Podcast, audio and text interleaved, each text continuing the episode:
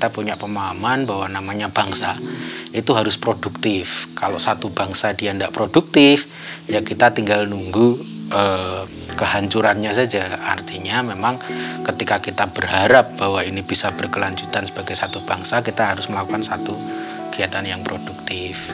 Nah, di sini kita belajar bareng untuk eh, menyelenggarakan satu kegiatan produktif secara kolektif di teman-teman Sekti Muda ini.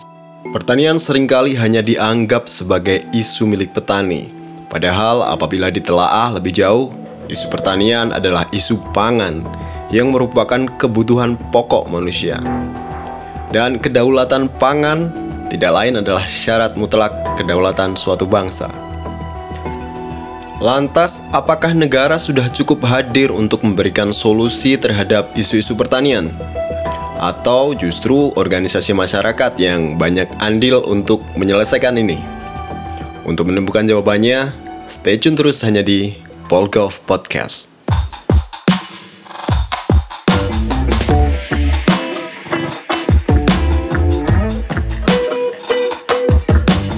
Selamat datang di Polgov Podcast. Saya Umar Hayan akan menemani Sobat Polgov pada podcast kali ini.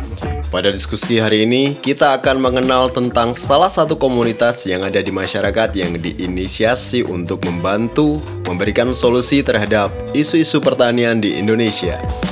Organisasi ini adalah Sekolah Tani Muda atau lebih dikenal dengan nama Sakti Muda. Sakti Muda sudah berdiri sejak tahun 2013, bermula di Yogyakarta dan kini telah tersebar di beberapa daerah di Indonesia. Untuk membahas tema diskusi kali ini, saya bersama dengan tim telah melakukan interview dengan Mas Komar Najmi selaku founder dari Sekolah Tani Muda. Dari beliau, kita akan lebih dalam mengenal apa itu Sekti Muda serta bagaimana peranannya dalam menyelesaikan permasalahan pertanian di Indonesia. Sebagai pembuka pada topik kali ini, Mari kita simak bersama tentang bagaimana latar belakang berdirinya Sekti Muda melalui penjelasan dari Mas Komar yang berikut ini. Sekti Muda itu kita mulai kelas pertama Mas ya, itu Desember 2013. Tapi sebenarnya sebelum ada Sekti Muda itu kita sudah selenggarakan dulu sekolah tani Mas. Sekolah tani. Nah, sekolah tani ini kolaborasi beberapa pihak gitu jadi ada Pustek UGM, kemudian ada Jenderal Sudirman Center, terus sama Serikat Petani Indonesia. Nah itu kegiatan diselenggarakan sebagai satu tawaran lah hasil dari kajian teman-teman di Pustek, kemudian teman-teman di SPI begitu. Kita punya banyak masalah di pertanian, Nah, kita harus menjadi bagian dari penyelesaian masalah di pertanian itu.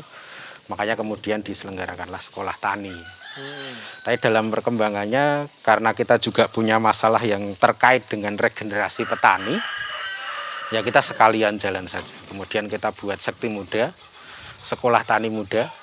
Nah harapannya dari sekti muda ini kita eh, menyiapkan teman-teman petani muda sekaligus teman-teman yang nanti ikut memperkuat teman-teman petani dalam hal pengorganisasian petani. Ya, Sobat Bogov, seperti yang dimuat di halaman resmi milik Sekti Muda, hasil penelitian dari Pustek UGM yang menjadi acuan menyimpulkan bahwa petani merupakan pihak yang paling rendah posisi tawar dan paling minim informasi dalam rantai distribusi produk pertanian. Keadaan seperti itulah yang menjadi alasan dan motivasi bagi Sakti Muda untuk mendirikan wadah belajar bersama, terkhusus untuk generasi muda agar dapat belajar dan mulai peduli dengan dunia pertanian. Lalu kemudian apa saja kira-kira prinsip yang dibawa oleh Sakti Muda dan masih dipegang hingga sekarang? Mari kita simak penjelasan dari Mas Komar yang berikut ini. Tapi kan di Sekti Muda ini kita punya tiga prinsip yang kemudian jadi pegangan kita ya Mas ya.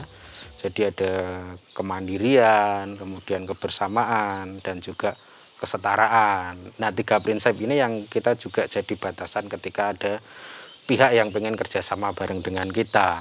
Jadi kadang itu yang sering kita belum ketemu lah.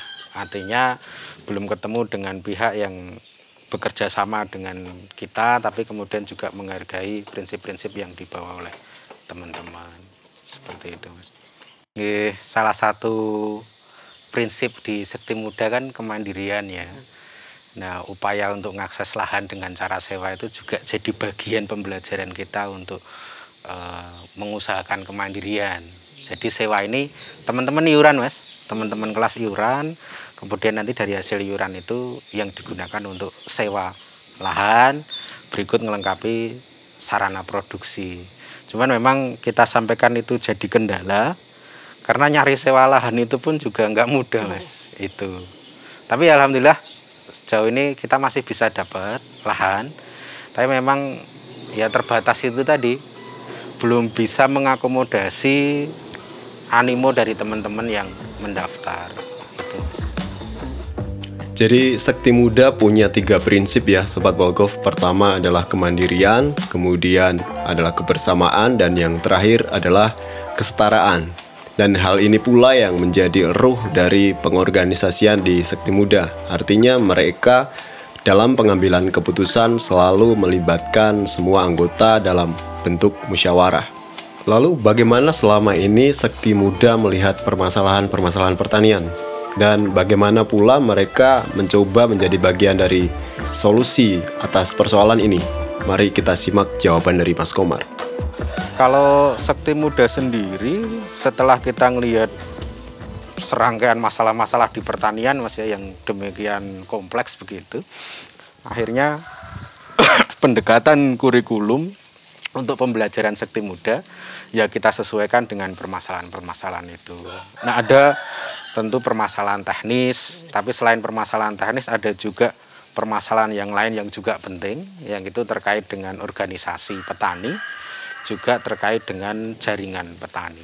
Jadi kita ada teknis, kemudian ada organisasi, kemudian ada pengembangan jaringan petani. Nah jaringan ini arahannya untuk ke jaringan pasar, ke konsumen begitu, termasuk juga jaringan untuk permodalan untuk pengembangan usaha teman-teman petani. Menyinggung perihal kurikulum yang digunakan dalam sekolah tani muda, lantas sebetulnya apa saja sih kegiatan yang dilakukan di dalam kelas Sekti Muda. Mari kita dengarkan penjelasan yang berikut. Ya, kita selenggarakan kelas itu dua kali setahun, jadi dua angkatan begitu. Nanti dalam satu angkatan itu ada sekitar 16 kali pertemuan, Mas. Biasanya kita mingguan begitu kita selenggarakan kelas. Terus selain kelas itu kita ada kegiatan kunjungan juga ke teman-teman petani.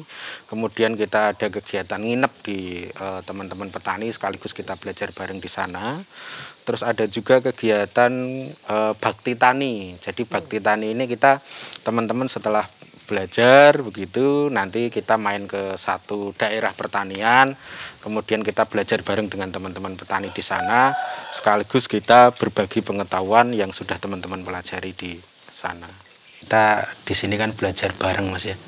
Nah yang kita pelajari bersama itu nanti ada tiga hal besar. Nah ini nyambung juga sebenarnya ini mas. Jadi kita di Sekti Muda ini punya kebiasaan begitu setiap kelas itu kita selalu menyanyikan lagu Indonesia Raya. Nah, menyanyikan lagu Indonesia Raya ini dalam tiga stansa ya. Nah dari Indonesia Raya inilah yang kemudian kita pelajari bersama. Jadi di Indonesia Raya ini kan ada bait di situ hiduplah tanahku kemudian hiduplah negeriku dan setelah itu bangsaku rakyatku semuanya Nah, di konteks hiduplah tanahku, itu kita belajar teknis, Mas. Kita belajar teknis bagaimana caranya kita bisa menghidupkan kembali tanah kita. Nah, setelah kita belajar teknis, kita kemudian masuk ke tahap berikutnya tentang hiduplah negeriku. Nah, negeri ini sebagai gambaran satu lembaga, satu organisasi. Nah, kita belajar tentang organisasi tentang administrasi, kemudian tentang manajemen, hmm. itu yang kita pelajari di sana. Nah berikut setelah itu uh, kan ada bangsaku, rakyatku, semuanya. Hmm. Nah, bangsaku ini kita pahami sebagai satu unit kerja yang produktif, Mas. Artinya kita punya pemahaman bahwa namanya bangsa hmm. itu harus produktif. Kalau satu bangsa dia tidak produktif, ya kita tinggal nunggu eh, kehancurannya saja. Artinya memang ketika kita berharap bahwa ini bisa berkelanjutan sebagai satu bangsa, kita harus melakukan satu kegiatan yang produktif. Nah, di sini kita belajar bareng untuk e, menyelenggarakan satu kegiatan produktif secara kolektif di teman-teman e, komunitas Sekti Muda ini. Jadi tiga hal itu yang kita pelajari. Kita belajar teknis, kemudian kita belajar tentang organisasi, administrasi, manajemen. Kemudian yang berikutnya kita belajar tentang jaringan. Berikut di situ juga tentang bagaimana kita menyelenggarakan satu kegiatan produktif. Nah, di situ tentu jaringan jadi hal penting, Mas ya. Bagaimana membangun jaringan pasar, bagaimana membangun jaringan sumber daya. Nah, itu yang kita belajar bareng-bareng di Sekti Muda. Menarik sekali ya Sobat Wolgov bagaimana Sekti Muda bisa memaknai lagu kebangsaan Indonesia Raya yang dalam tiga stansa menjadi semangat yang diterapkan dan menjadi pegangan dalam kegiatan mereka. Semangat ini yang kemudian mewujud menjadi tiga pokok pendidikan di Sekti Muda, yakni teknis dalam bertani, kemudian pengorganisasian, dan yang ketiga adalah perihal administrasi manajemen. Lantas dalam melakukan semua kegiatan yang sudah dimulai sejak 2013 lalu, apa saja sih sebetulnya tantangan dan hambatan yang dihadapi oleh Sekti Muda? Mari kita simak penjelasan dari Mas Komar. Iya, yeah. hambatan ya mesti ada lah Mas. Ini terutama yang kaitan dengan sumber daya sih untuk penyelenggaraan kegiatan pembelajaran sendiri ya. Artinya memang tentu ada keterbatasan begitu dari kita sendiri untuk bisa mengakomodasi uh, semangat dari teman-teman untuk belajar. Di misalnya kita buka kelas begitu Mas, satu angkatan paling satu kelas ya, paling 25 30 teman begitu. Nanti yang mendaftar itu bisa sampai 100 lebih. Nah, sementara ini kita memang belum bisa mengakomodasi semua teman. Nah, itu tentu hambatan tersendiri Nah, hambatan ini terutama karena memang sumber daya kita, terutama untuk lahan mas ya, untuk yang kegiatan pembelajaran itu yang masih terbatas. Paling itu aja sih mas. Kalau untuk yang lain-lain eh, sejauh ini tidak masalah.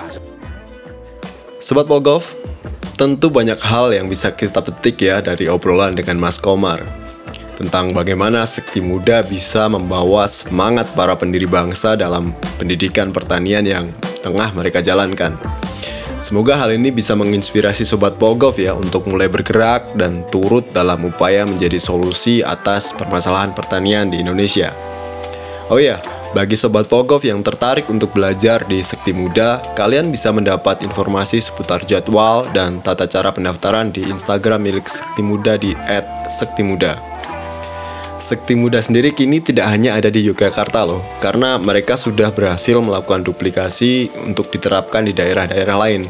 Jadi peserta kelas tani yang banyak dari berbagai daerah ketika pulang ini bisa membangun komunitas dengan semangat yang sama di daerah masing-masing. Sudah ada di Jawa Barat, Jawa Timur, dan juga beberapa tempat di luar Jawa. Dan tidak terasa ini adalah akhir dari seri diskusi Polgov Podcast kali ini. Semoga ilmu yang kita dapat dari Mas Komar hari ini dapat bermanfaat bagi sobat Polgov di rumah ya. Dan jangan lupa untuk dibagikan kepada kawan sanak saudara. Selain itu, tetap terhubung bersama kami melalui Facebook, YouTube, Instagram, Twitter, dan yang terbaru ada TikTok juga di @dppugm atau Departemen Politik dan Pemerintahan Universitas Gajah Mada. Saya Umar Hain pamit, tetap jaga kesehatan dan sampai jumpa. Dah.